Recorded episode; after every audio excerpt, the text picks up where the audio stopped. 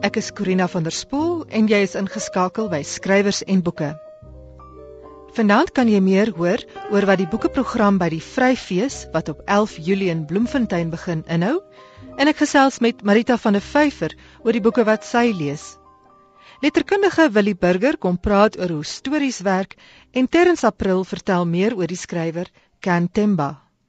Die skrywer TT Kloete het onlangs 88 jaar oud geword. Hierdie literator, kritikus, digter, dramaturg, prosa skrywer en psalmverwerker is 'n merkwaardige figuur op die Afrikaanse literêre toneel. Joan Hambidge gesels vanaand in skrywers en boeke met die digter oor sy gewildheid, oor die aard van die digkuns en wat hy lees ter inspirasie. Hy sal ook sy gedig Anna vanaand voorlees.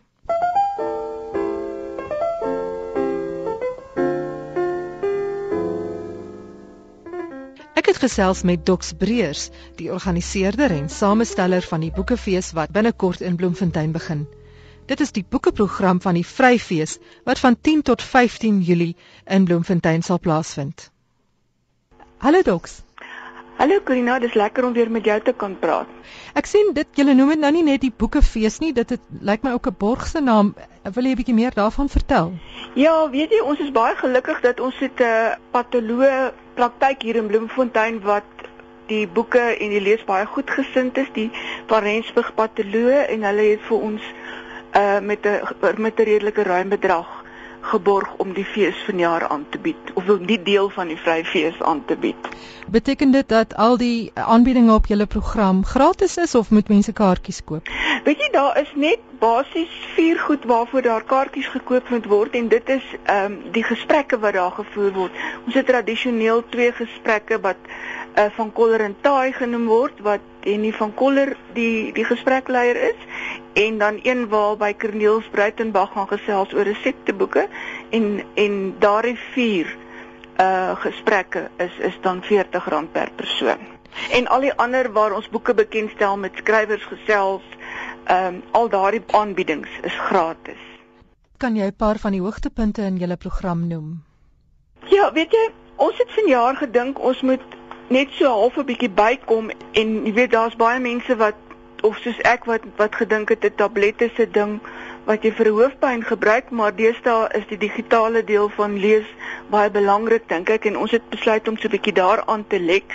So ons begin met 'n aanbieding of 'n gesprek waar daar gepraat word oor wat wat is die rol van die digitale of wat is die invloed van die digitale omgewing op op die lees en leser en die boek en hier is mense soos ook bekundiges oor tegniese kundiges soos Lode Plooi wat gaan praat oor wat is 'n uh, 'n digitale leesmiddel. Daar's uitgewers, daar is daar's regtig 'n hele groepie mense wat die verskillende aspekte van die digitale leesproses sal kan ooppraat. Dan het ons uh, op 'n ander vlak uh, 'n Skype gesprek met Marita van der Vyver vanuit Frankryk wat ek dink wat ook baie interessant gaan wees. Ons het gelukkig vanjaar in 'n in die sakeskool so goed toegeruste lokale so ons kan heerlik sit en kyk en saamgesels. En dan net op 'n heel ander vlak het ons ook 'n gesprek wat dan gaan oor die oor die vraag as daar 'n gay kunstenaar is of daar dan ook gay kuns is en hier het ons dan nou vir Henny Oukamp omdat hy nie meer heeltemal graag wil rondbeweeg nie het ons 'n DVD waar daar sekere vrae aan hom gestel is en waarop hy dan antwoord. So, jy weet dit is nou nie die hele boekprogram nie, maar daar's daar's darem 'n hele proeseltjie van die dinge wat ons dan nou maar as digitaal beskou. Ek sien daar's ook digters in julle program. Ja, ons het hier ook 'n nuwe 'n nuwe konsep en dit is dat Elsabie Daniel en Chris van die kerk gaan hulle eie of gedigte van hulle eie keuse voorlê en ons vra vir almal wat poesie liefhebbers is om asseblief van hulle gedigte in te in te stuur en dan sal Elsabie en Christen van daardie gedigte ook voorlees en dan is ons ons het drie sulke aanbiedings en by elke aanbieding tree dan 'n bekende digter op soos Dani uh Maree, soos Tom Gous, daar's Renay Bonen en natuurlik Henny van Koller wat vanjaar debuteer met sy digbundel Soom. Waarheen kan mense hulle versoeke vir gedigte om voorgedra te word stuur? Daar is 'n 'n e-posadres waarna toe hulle dit kan stuur Corina. Dit kan ek die adres vir jou gee. Dit is rosendaal.toneel@gmail.com. En dit moet asseblief so tussen die 25ste Junie en die 2de Julie as dit moontlik is gestuur word. Watter nie fiksieboeke beplan julle om in julle boekeprogram te bespreek? Dit is vir my baie interessant dat die nie fiksie boeke kan jy amper in 'n in 'n in 'n verskillende onderwerpe. Ons het boeke waaroor die omstredenheid binne die godsdienstbesprekings deesdae godsdienstgesprekke met twee boeke wat daar bespreek word. Hier staan ek en uh God van dis Jan de Tooy se God en die leser en of die gelowige in die postmoderne tyd. En dan het ons die die geskiedenisgedeeltes wat gaan oor al, waar Albert Blyk sy nuwe uh, boerekryger seun se hoogste offer bespreek en Janet Ferreira haar boereoorlog stories van nommer nommer 2 en dan natuurlik Frans Johan Pretorius se boek oor geskiedenis van Suid-Afrika van voortye tot vandag en ek dink dit gaan ook 'n paar ehm um, omstredenhede wat dan maar oor altyd oor die geskiedenisskrywing in Suid-Afrika heers dalk 'n bietjie kan aanspreek. Is al julle gesprekke in Afrikaans? Die meeste van die gesprekke is in Afrikaans, maar sou daar byvoorbeeld 'n Engelssprekende deelnemer in die gespreksspan is, dan uh, praat daai persoon die taal waarin hy hom die die gemaklikste voel. Wat ek dink wat vir ons ook 'n baie groot uh, pluspunt is, dit ons het daarin geslaag om vir Ivan Vladislavovich na ons fees te kom met sy nuwe publikasie A Restless supermarket. En dit is nou regtig een van die interessantste fiksieboeke wat ek nou in 'n lang ruk gelees het, soos wat die titel nou al sê, is dit skreeu snaaks plek plek en hartroerend ander plekke. En Ivan, soos jy weet, is sekerlik een van die belangrikste Engelse skrywers of skrywers in die Suid-Afrikaanse Engelse letterkunde ook en internasionaal bekend. Ek sien hy is ook betrokke saam met skrywers soos Dion Meyer en Corneels Breitenberg in 'n ete saam met skrywers. Hoe werk hierdie onthaal? Dit is wat ons noem draaitafels by die kunste. Ons het 10 tafels waarby 10 mense aansit waarvan 4 kunstenaars en of skrywers is en dan is daar 10 uh, eh, geregte of disse en dan met elke voorsit van 'n gereg ruil die die die die gaste, die mense wat kaartjies koop. Dan kry hulle nou deur die aand die geleentheid om lekker met met kunstenaars te gesels en ons is baie opgewonde daaroor want die geleentheid is vir alle praktiese doeleindes aan al uitverkoop. Daar's 'n gourmet uh, ete, 'n proe spyskaart ete en heerlike wyn. Ek sien hier's 'n diskurs ook. Is dit ook deel van die boekeprogram? Ja, dis dis maar deel van die van die van die groter geheel van die boekprogram. Die diskurs het ons nogals regtig ook 'n paar baie interessante mense wat daar gaan praat. Ek dink die onderwerpe is baie interessant en dit gaan oor die finansiële frustrasies wat die vyand kan wees van die vervaardiging van Afrikaans veral films en verhoogproduksies. En daarso is is daar Ricardo Peach hy's 'n Australiaan wat ook hier 'n spesifieke produksie aanbied 'n buitelugproduksie en dan is daar ehm um, Dion Lots bekende akteur wat praat en Mike van Graan dan het ons word daar nog nuwe Afrikaanse idiome in die volksmond gevorm. Ek dink dit kan ook 'n gesprek wees wat baie reaksie kan uitlok. En daar praat Willem Botha van die wat Konstantin wat 'n adjunkredakteur by Volksblad is en dan Fanie Viljoen die bekende kinderboekskrywer. Julle rektor het mos boeke gepubliseer hierdie afgelope jaar en hy self so goeie spreker Is hy ook in julle program? Ja, hy is hoekom by hierdie diskurs uitsending in die laaste van die diskurse eh, praat hulle oor die of of vra hulle die vraag of die vermoë tot kritiese denke noodsaaklik vir suksesvolle studie is en daar praat hy professor Jonathan Jansen en professor Helena van Sail en dan Alta Sharp wat 'n baie bekende in die sielkunde departement ook by die universiteit is.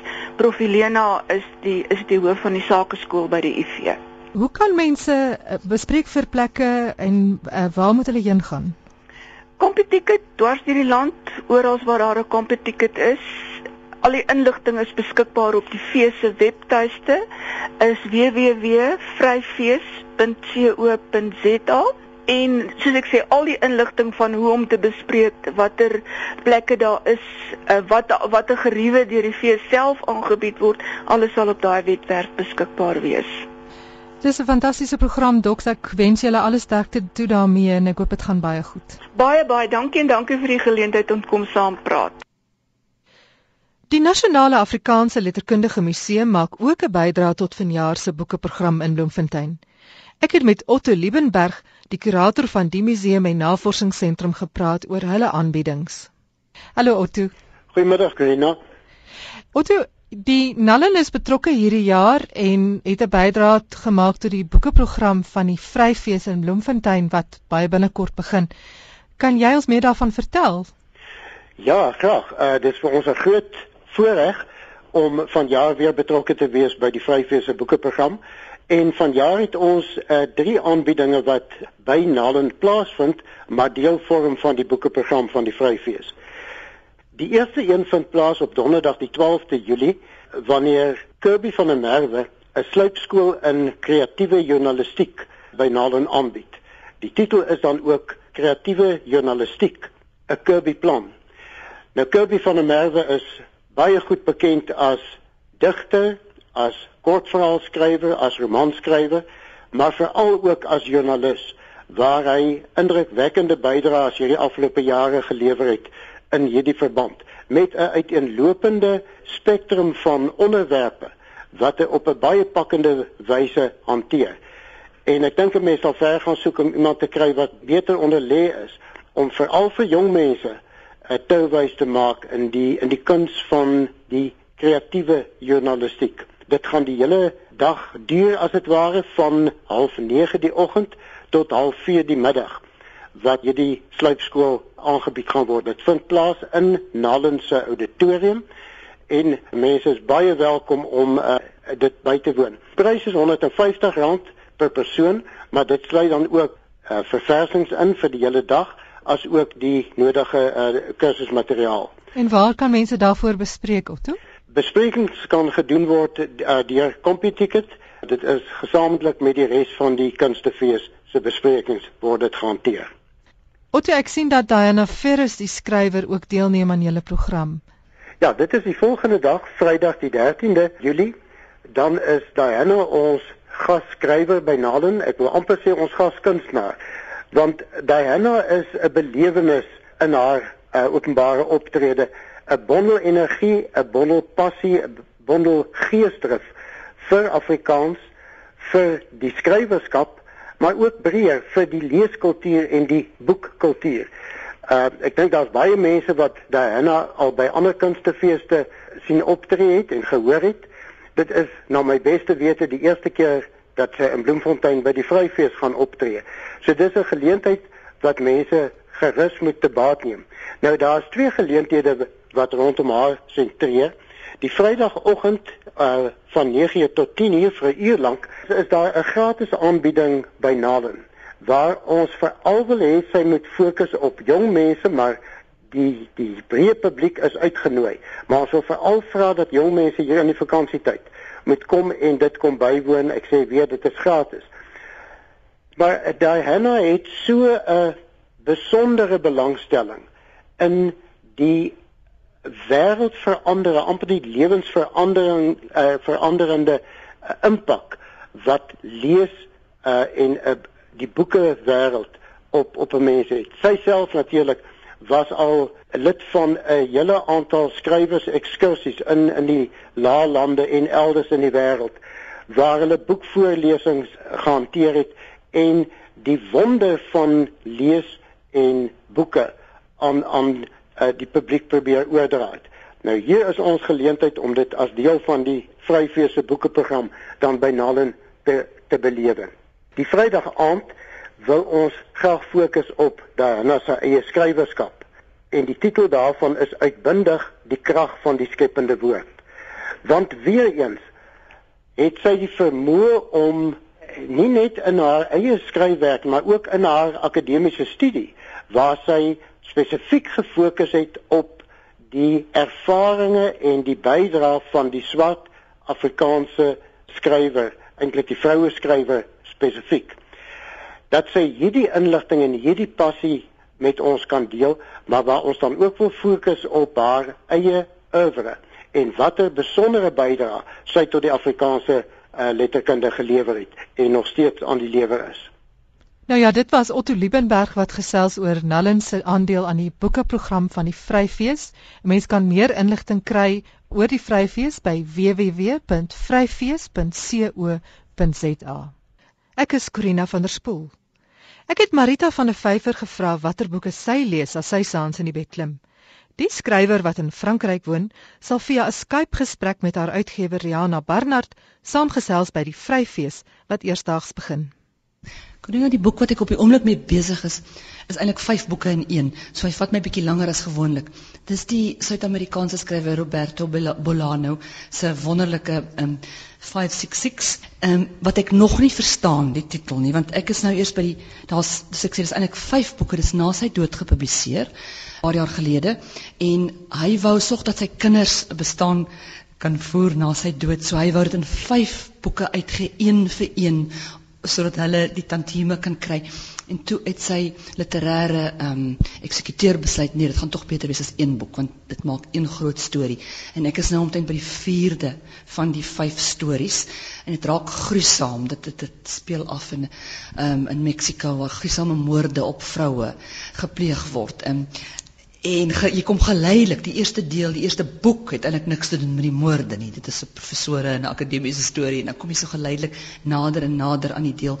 En wat dan hopelik ook vir my die vreemde titel gaan verduidelik met al daai sesse in. Is die titel van Bolaño se boek 2666? Ja.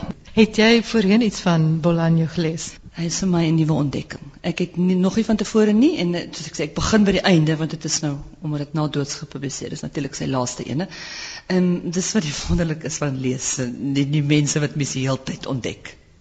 Marita, jy woon al jare lank in Frankryk. Beteken dit dat jy Franse boeke wat oorspronklik in Frans verskyn in Frans lees. Weet jy, en gelukkig is die Franse letterkunde op die oomblik nie vir my vreeslik opwindend nie. Anders sou ek baie skuldig gevoel het. Ek na jare van Sartre en Camus en so aan is verby. Daar kom so nou dan iets interessant. Ek dink daar's nou 'n oplewing aan die gang. Dit voel vir my letterlik in die laaste jaar of 2 het daar interessante goed uitgekom. Maar ek is nie 'n Wilbeck fan nie. Jy weet Michelle Wilbeck wat een is wat wyd vertaal is.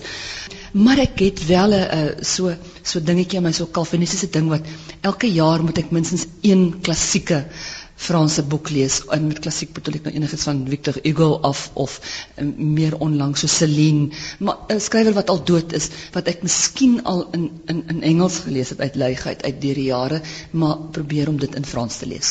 Die ene wat nou letterlik langs my bed lê maar wat ek nou nog nie gelees het nie is Celine se Voyage ehm um, die reis na die einde van die nag wat ek ja tot my skamptens kan dan nog nie gelees het. Lees jy nog Afrikaans volg jy die Afrikaanse letterkundige publikasieprogram? Ja, ek probeer by jou. Elke keer as ek hier kom, dan is dan is my tas baie vol as ek terugkom. Ehm um, ek wat ek hierdie keer gedoen het, ek het 'n klomp van my jeugboeke wat voorgeskryf word vir skole en so teruggebring. Dit is 10 kilos, maar dat ek baie plek in my tas vir boeke. Ek skenk dit dan vir een van 'n skool wat dit nodig het. Um, en dan kan ek weer lekker boeke koop en terugneem. So in my tasie op die oomblik, hy raak al voller en voller. Ek het nou Deborah Steinmar se se poppekas, um, dit het ek klaar gelees eintlik. Corneel se Corneel Spreitenberg se piknik by Hangklip het ek nog nie gelees nie, maar dit is klaar daar. Sonja Loot se boer, 'n sirkusboere. Ehm um, dis nou maar net 'n paar van die wat ek nou so vinnig hier beet gekry het wat ek baie uitsien om te lees. Ek het nog nie Eben Venter se se uh, laaste boek gelees nie, maar dit lê is ook daar op my bedkassie. Dit moet gelees word. Lees jy as jy 'n boek skryf of lees jy pertinent nie? Ek kan nie verstaan as skrywers sê hulle lees nie terwyl hulle 'n boek werk nie, want of hulle werk net 3 weke aan 'n boek, uh, want ek bedoel lewe jy sonder om te lees. As jy skryf, ek skryf nooit minder as 'n jaar, gewoonlik so tussen 2 en 3 jaar werk ek aan 'n roman. Ek meen kan ek kan mos nie vir 3 jaar ophou lees nie. Ek dink die verskoning dat dit jou beïnvloed is sommer absoluut nonsens, want as jy wyd genoeg lees, as jy een skrywer lees vir 'n jaar lank, natuurlik gaan dit jou beïnvloed, maar as jy wyd genoeg lees en gelukkig is my smaak eklekties genoeg, um, dat ek enigiets van crime fiction af lees tot soort van sware en hogere literatuur en ja, dan gaan jy nie beïnvloed word nie. Dit was Marita van der Vyver oor wat sy graag lees. Vervolgens gesels ek met Willie Burger oor die storie agter die storie. Hy en ek gesels gereeld oor stories en waaroor stories vandaan kom. Dis ook na aanleiding van 'n rubriek wat hy skrywe in die Vrouekeur wat 'n mens kan lees by www.vrouekeur.co.za. Hallo Willie. Ja, nou, Karina. In romans is daar dikwels verskillende vertellers. Soms kom iemand van 'n ek-vertellingshoek en soms is dit van 'n uh, 'n derde persoon vertellershoek. Wat beteken dit en watse verskil maak dit aan die storie? Ek dink hierdie is is waarskynlik een van die belangrikste aspekte wanneer 'n mens kyk na enige vertelling, maar na enige roman, kortverhaal, um, om te kyk of jy jouself die vraag te vra, maar wie vertel hierdie storie? Want 'n storie is nooit sonder meer maar net 'n storie nie. Dit ek dink altyd aan daai 'n wonderlike verhaal van ehm um, Herman Charles Bosman, uh, Mafeking Road wat dit vir baie van ons nog op skool voorgeskryf was en en wat uh, so mooi opgevoer was op 'n tyd deur uh, Patrick Meinhardt. Maar daar's daai verteller wat altyd in in die kort verhale oor die Mariko aan die woord kom in in Bosman se stories uh, oom Skalk Lourens. En dan dink ek uh, hy skryf in daai Mafeking Road dan staan daar so uh, aan die begin when people ask me as they often do how it is that I can tell the best stories of anybody in the Transvaal Oom Skalk said modestly. Then I explain to them that I just learn through observing the way that the world has with men and women. And when I say this they nod their heads wisely and say that they understand. And I nod my head wisely also. And that seems to satisfy them. But the thing I say to them is a lie, of course. For it is not the story that counts. What matters is the way you tell it. The important thing is to know just when, at what moment you must knock out your pipe on your veldskoen, and at what stage of the story you must start talking about the school committee at Droogevlei. Another necessary thing is to know what part of the story to leave out. Nou hierdie lyk op die oog af maar net na 'n paar grappige opmerkings en en dit is uh, in 'n ligte luim gemaak en so aan. Maar dit is 'n belangrike opmerking dat dit vir 'n goeie verteller om 'n goeie storie te kan vertel, gaan dit nie eers oor sy mense kennis I observe the way of people in the world en dan klink ek wys en die mense dink ooh dit is wat 'n storieverteller moet kan doen. Dit gaan nie in die eerste plek daaroor nie. Wat in die eerste plek belangrik is, is hoe die storie vertel word. Um en dit is wat die lees van 'n roman of 'n verhaal uiteindelik boeiend maak. Dit is nie net alleen wat die inligting is wat ons uit die verhaal uitkry nie, maar dit is ook hoe dat hierdie inligting aangebied word, hoe dit vertel word. Natuurlik kry jy dikwels baie interessante inligting as jy Dion Meyer se spoor gelees het, dan weet jy baie meer van die busdienste in die, in die, in die groter Kaapse metropool. Ehm um, maar dit is waarskynlik nie die vernaamste rede hoekom jy die roman lees nie. En net so kan 'n roman ook jou gewete aanspreek en jou laat nadink oor jou waardes. Ek dink dis iets wat uh Elsa Joubert se die swerfjare van Popinongena ehm um, in die in die 80er jare gedoen het of uh, Milan Kundera se The Unbearable Lightness of Being um, wat tot 'n sekere mate 'n filosofiese ondersoek na die sin van die lewe gelees kan word en um, partykeer lees mense om om sulke redes. So hierdie inligting wat 'n mens kry uit romans is natuurlik ook belangrik. 'n Roman kan jou inligting gee, dit kan jou polities aanspoor of filosofiese denke inspireer, maar dit is in die eerste plek nie waaroor dit gaan nie, want dit kan ek ook in vakliteratuur gaan kry, nê.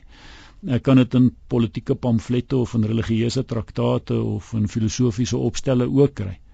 Maar waaroor dit in die eerste plek in 'n literêre teks gaan, is die manier waarop dit ook gestruktureer is, die manier waarop dit vertel word. Die manier waarop vertel word beklemtoon Omskalk Lourens is die strukturering. Wat moet uitgelaat word uit die vertelling? Wanneer moet ek my pyp uitklop teen my velskoen? Dis nie net sommer net 'n grappige opmerking nie, maar dit beteken ek moet weet hoe om die storie ook uit te rek, die spanning uit te rek, uit te stel oor wat ek uiteindelik wil vertel. Uh, wanneer ek my opinie moet wil lig oor die droge vleis skoolkomitee is ewenigs nie sommer net 'n ligte opmerking nie maar ek moet ook weet in watter mate kan ek my die idees wat ek wil oordra, waar moet dit inkom op watter stadium van die storie? Hoe moet dit daarmee vervleg word? Dit kan nie sonder meer daaroor in die eerste plek gaan nie. Dit gaan oor 'n manier waarop dit aangebied word. So die eerste ding wat 'n mens van bewus word eintlik wanneer jy 'n roman lees, is dat iemand besig is om hierdie storie te vertel. En ek dink dikwels begin stories met iets soos eendag lank lank gelede in 'n ver land het daar 'n prinses gewoon. En wie die verteller is in so 'n uh, vertelling weet jy nou nie, want dit is onbekend en dan is dit ook van buite af wat dit vertel word. In hierdie voorbeeld wat ek nou net gehad het van Herman Charles Bosman, weet ons presies wie die verteller van daar staan tussen hakkies in die eerste sin oom Skalk Lawrence said modestly. En en dit beteken hy is dus die verteller wat hier aan die aan die aan die vertel is. Aan die een kant kry mens dis vertellers wat ons baie goed ken en wat jy naderhand presies kan weet wie is hierdie verteller ons leer hulle gewoontes ken, ons leer uh, ook ken wat wat hulle sê kan 'n mens regtig vertrou, is betroubaar en wat nie. Uh, dis 'n erkenbare mens as dit ware wat vertel. Maar aan die ander kant kry mens ook vertellers wat uh, die verhaal byna heeltemal van buite. Uh, dit is eintlik 'n soort onbetrokke verteller wat jy glad nie weet. Hy hy, hy neem dit waar soos 'n vlieg teen die muur en alles word net beskryf. En ek dink tussen hierdie twee uiterstes vorms van vertelling is daar geweldig baie ander mengvorms. Ehm um, partykeer meer as een en dieselfde verhaal. En dit is ook interessant hoe dat dit op verskillende maniere vermeng word. Maar hierdie het uiteindelik so 'n deurslaggewende impak op die leser waarvan 'n mens dikwels met die eerste lees van 'n boek nie eers bewus is hoekom jy op 'n sekere manier reageer nie. Maar dit is waarmee die die teks jou al klaar begin manipuleer. Dit was letterkundige Willie Burger wat gesels oor die storie agter die storie.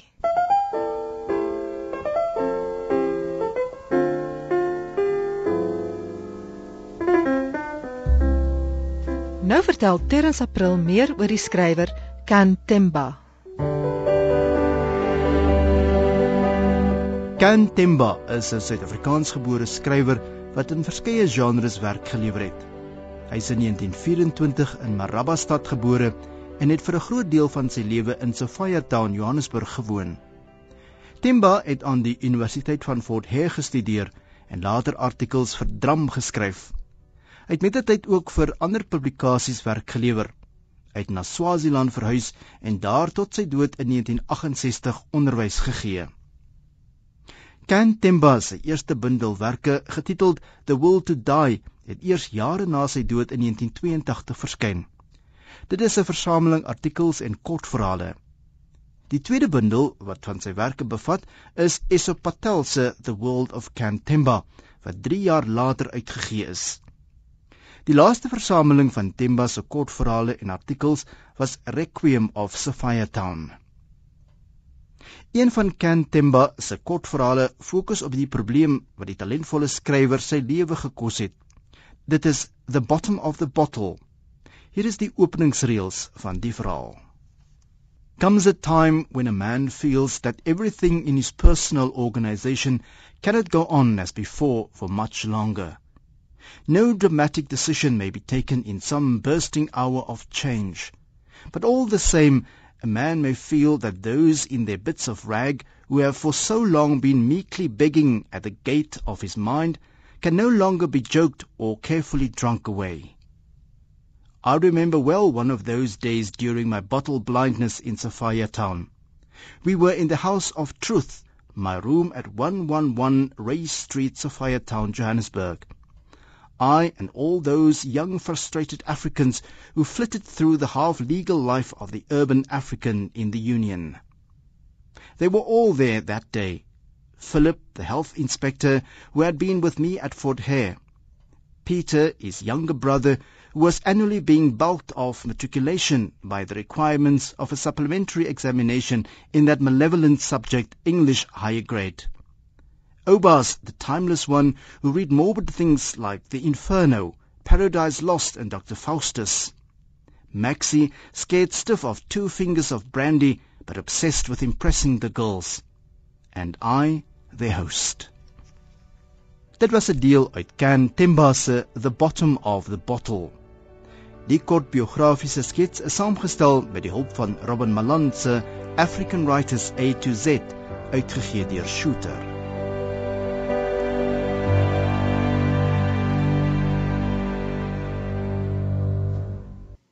Goeienaand. Ek is Joan Hambidge en vanaand het ek die voorreg om te gesels met die bekende digter en literator TT Kloete. Goeienaand professor Kloete. Goeienaand Joan.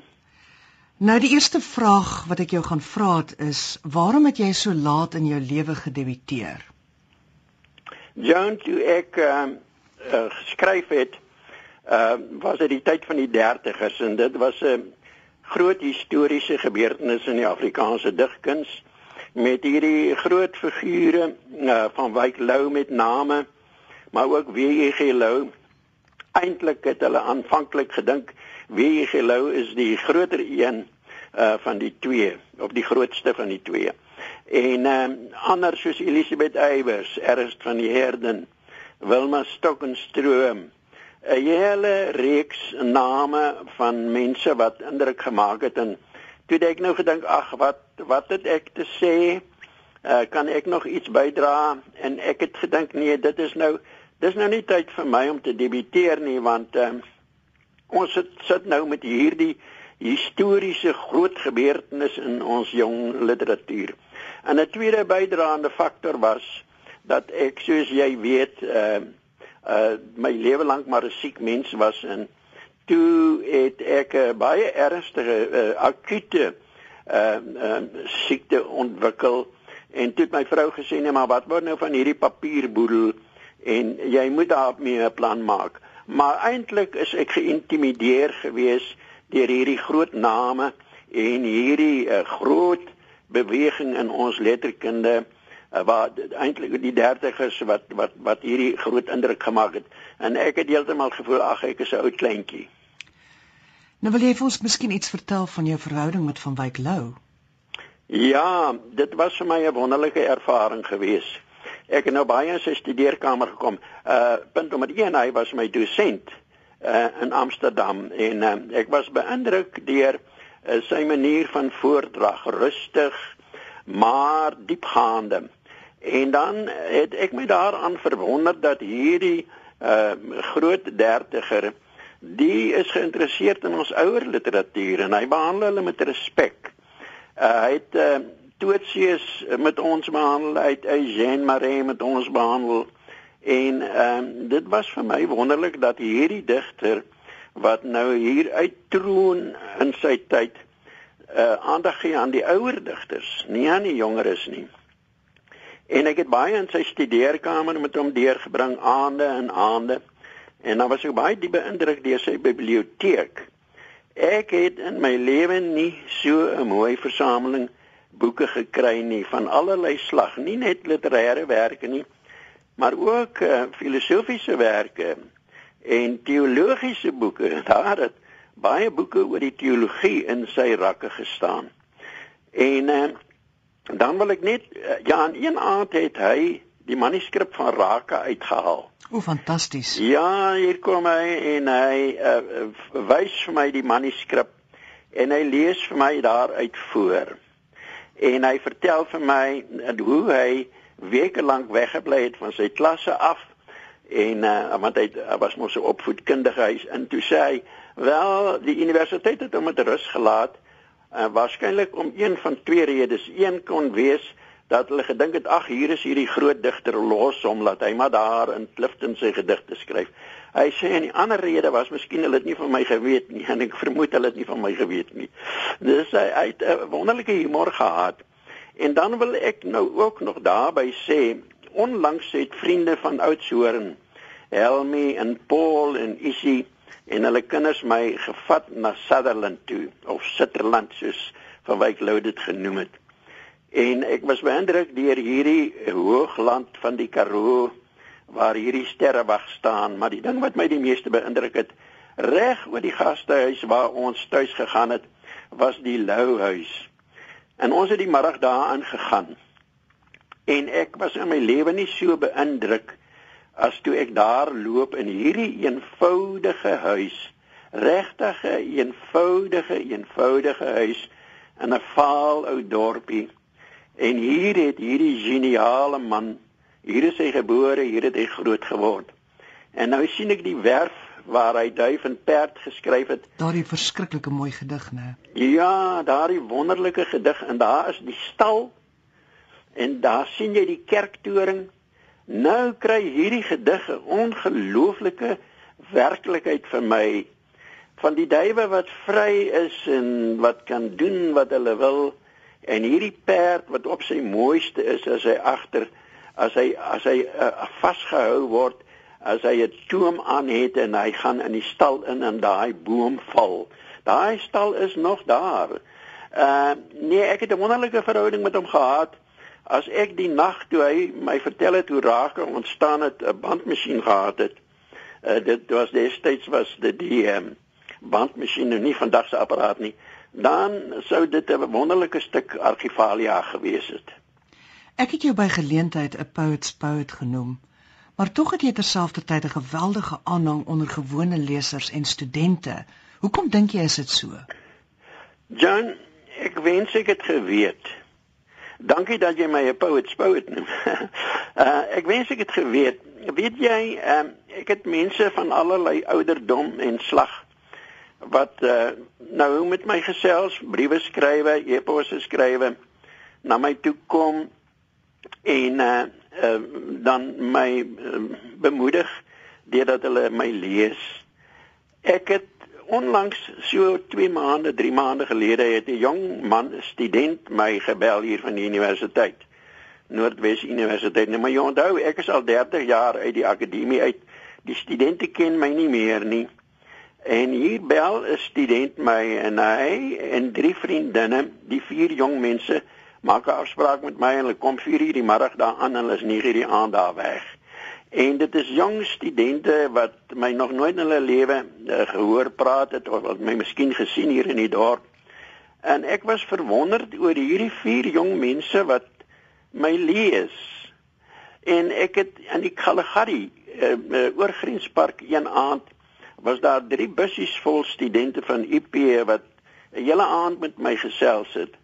Dus uh en dan het daar iemand wat my gedigte eintlik van voor tot agter uit hulle kop ken is 'n medikus, Dr. Helmi Riesenbaum van Oudtshoorn. Dus uh, hoe gebeur dit? Nou praat ek nie eers van mense soos Heilna uh, uh wat my ken nie of Ena nie of wie ook al nie. Uh, ek praat van vreemde mense. Mense van ouderdom oude groot ouderdomsverskil jong jong mense skooliere. Ek weet nie uh, uh, Joan ek ek sou wou weet maar ek ek voel tevrede dat ek weet mense lees my. Dit is uh, maar ek sou nie vir jou kon sê waarom nie. Behalwe dat dit my troos miskien miskien het uh, miskien is daar in my gedigte uh, uh iets van allerlei slag want ek weet nou Party mense sê ek is 'n intellektuele digter, maar nou aan die ander kant, wat kan eenvoudiger wees het Opperman gesê nog destyds vir my as die gedig uh uitgedun. Dis ek ek ek is is my liefdesgedigte oor Anna is dit nou intellektuele gedigte. Ek ek sou dink uh, Joan daar is wel 'n uh, uh, uh, baie sterk uh, uh, idee nou in my werk, maar aan die ander kant ook weer 'n uh, baie uh, direkte eenvoud wat mense aanspreek. En en miskien is daar 'n uh, verskeidenheid in my werk ek weet nie. Ek weet net uh, ek word wel gelees en en dit doen my goed. 'n uh, 'n uh, bundel soos juxtaposisie ai ek dink hy het 11 drukke herlewe is fantasties né Nou ja. juxtaposisie is natuurlik my gunsteling bundel wat jy geskryf het in jou gedigte is tegnies baie sterk. Jy skryf uh ballades, rondele en so meer. Nou hoe voel jy byvoorbeeld oor die narratiewe vers wat tans as 'n mode deur jonger digters nagevolg word? Joan, dit hang daarvan af wat verstaan mense onder 'n uh, narratief. Ek is bevrees ja, jy noem dit 'n mode, dit dit is eintlik 'n mode kyk uh, ek is bevrees dat uh, baie van hierdie jonger digters wat nou hierdie uh, narratiewe uh, uh paradigma volg kom ons noem dit dan nou maar 'n paradigma Uh ons moet nooit vergeet nie paradigmas word uitgedink deur die teoretici nie deur die digters nie. Digters skryf gedigte. Hulle skryf nie paradigmas nie. Ek is bevrees dat baie van hierdie jonger digters wat nou die narratiewe uh, paradigma volg, uh prosaïese gedigte skryf. Hulle verstaan onder narratief prosaïs. Maar ek uh, dink die narratiewe uh um vers is so oud soos die poësie. Dat ek weet nie van 'n gedig wat nie narratief is nie. Kom ons vat 'n gedig soos van Wyk Lou se eerste gedig in die klipwerk. Dit is 'n uh, twee reëlige gedig, dis die tuinste gedig uh in Afrikaans waarvan ek weet. En hy het net twee reëls. Elke reël het net 6 woorde, met ander woorde die twee verse het saam 12 uh uh woorde. Nou vers 1 lui so dat akkers op die sinkdak val. Vers 2 lui en vye op die ringmuur breek. Met ander woorde aan aan albei kante is hierdie gedig hier oop. Dis geniaal van van Wyk Lou dat dit so kan doen. Nou kan ek voor invul. Ek kan byvoorbeeld aan die voorkant invul. Uh dit maak my bang dat akkers op die sinkdak val en vye op die ringmuur breek en dan val ek agteraan as dit winter word. Nou het jy die simboliek daarvan dat dit 'n gedig kan wees oor die dood. O, oh, dit kan 'n gedig wees oor die blydskap. Ek kan van daai twee verse, daai 12 woorde, kan ek letterlik 50, 60, sê 100 gedigte maak deur in te vul voor en agter. Met ander woorde, twee reëls van 12 woorde is 'n narratiewe gedig. Die narratief, ek weet nie van 'n gedig wat nie narratief is nie. Dit hang net af wat ons daaronder verstaan. Ek is net bevrees dat uh, hierdie narratiewe gedig uh, van party jong digters is maar 'n prosaïese uh, prosaïese gedig wat die kontoure het van 'n gedig, maar dit het nie dit het nie diepgang nie. Uh, ek, ek is uh, dit dit is is Nee, 'n gedig, 'n gedig, 'n gedig met 'n gedig met 'n gedig wees. Uh, laat ek 'n ander voorbeeld vat. Vat die gedig, ek gaan nou 'n Nederlandse voorbeeld vat wat ek goed onthou. Leopold het 'n gedig geskryf van uh, drie uh, strofes. En die uh, strofe 1 begin met er komt my in den sin en dan gaan die strofe aan en aan en aan. Strofe 2 begin met een eensame gedagte en dan gaan die strofe aan en aan en aan en aan. Strofe 10 3 begin met die woorde aan een bleek meisie se hoof. Nou kan ek net die eerste paar woorde van van strofe 1 en die eerste paar woorde van strofe 2 en die eerste paar woorde van strofe 3 vat, dan het ek 'n volledige sin. Er kom my in den sin een eensame gedagte aan een bleek meisie se hoof. Dis struktuur. Jy kan hom oorskryf in prosa en dan bly daai struktuur nog bestaan. Dis alle gedigte het is narratief. Maar dit hang af wat verstaan jy onder narratief. Jou gedigte word gekenmerk deur 'n heilige nuuskierigheid. Jy skryf verse oor die wetenskap, die natuur, verskynsels. Nou wat lees of kyk jy om dit te inspireer? Joan, ja, ek lees net soveel boeke, nie literêre boeke as wat ek literêre boeke lees. Gedigte, romans of wat ook al. Ek lees baie graag oor die astrofisika, want die astrofisika is die is die is die fisie is die filosofie van vandag.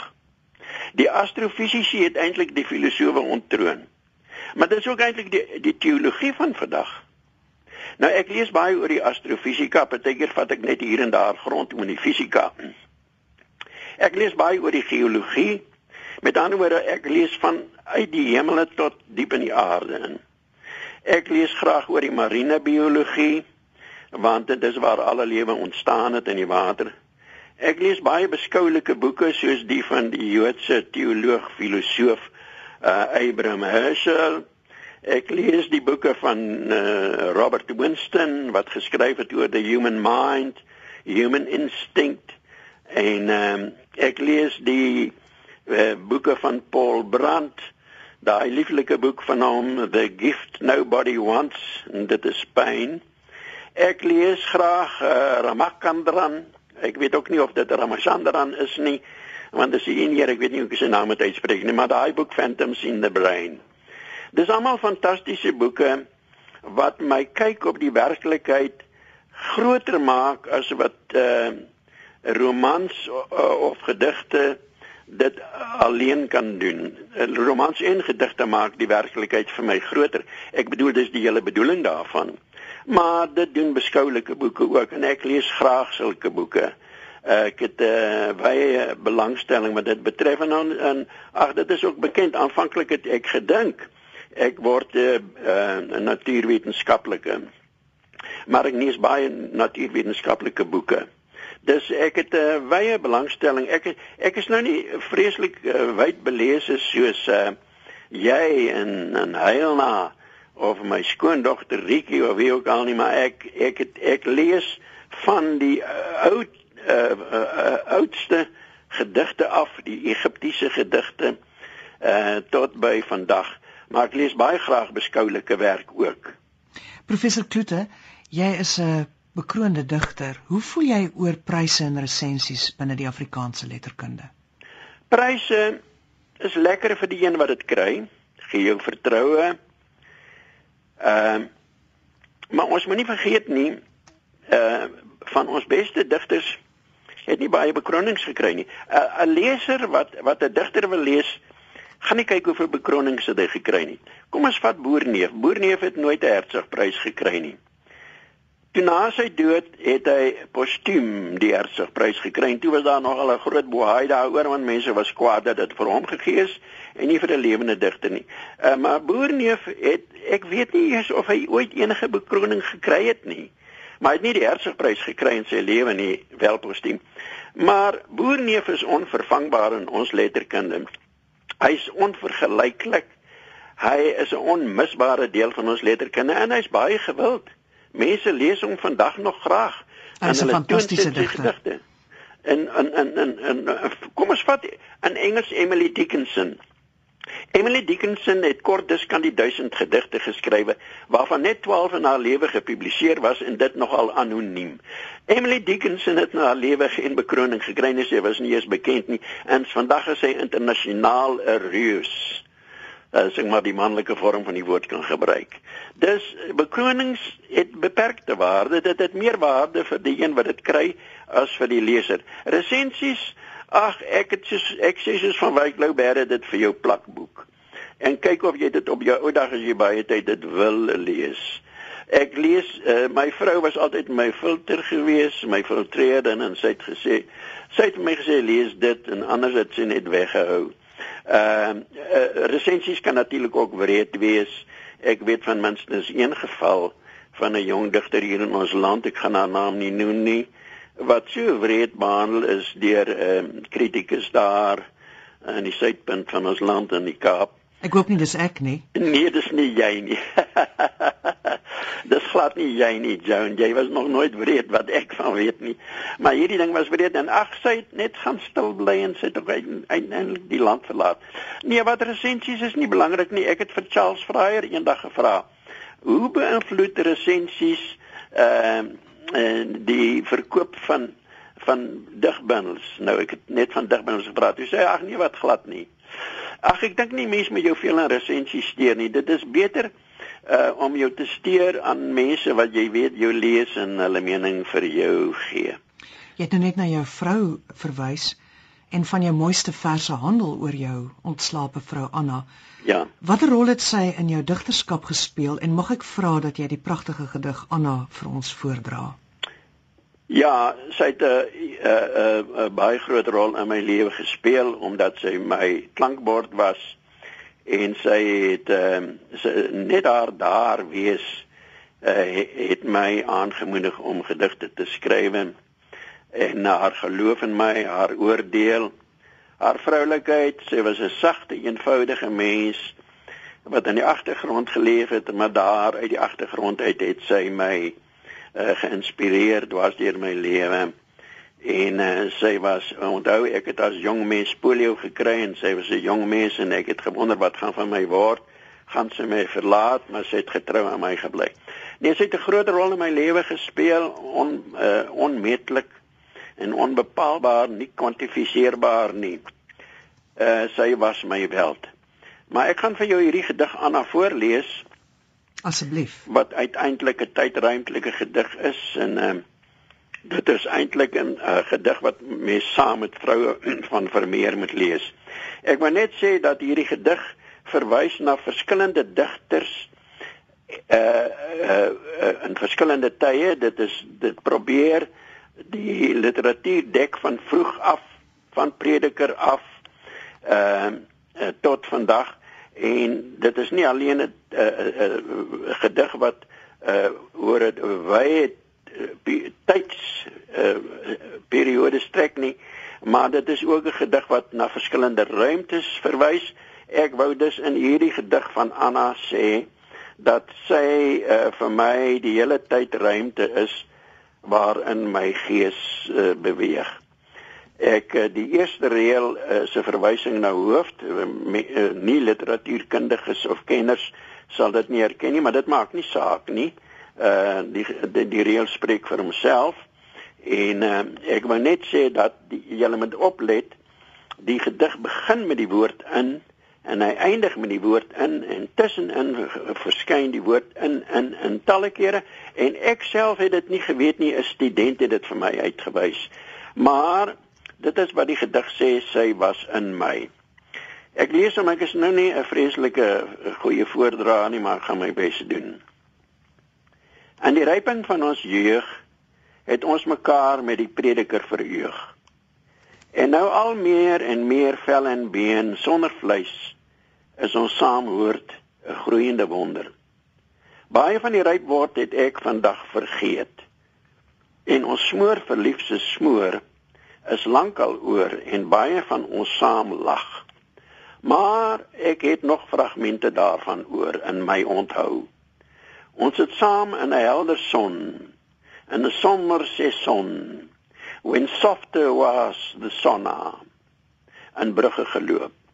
Ek onthou die karion, geselles huis, gragte met swane en Vion en Carcassonne en 'n mooi skildery van 'n kortisane in die loere.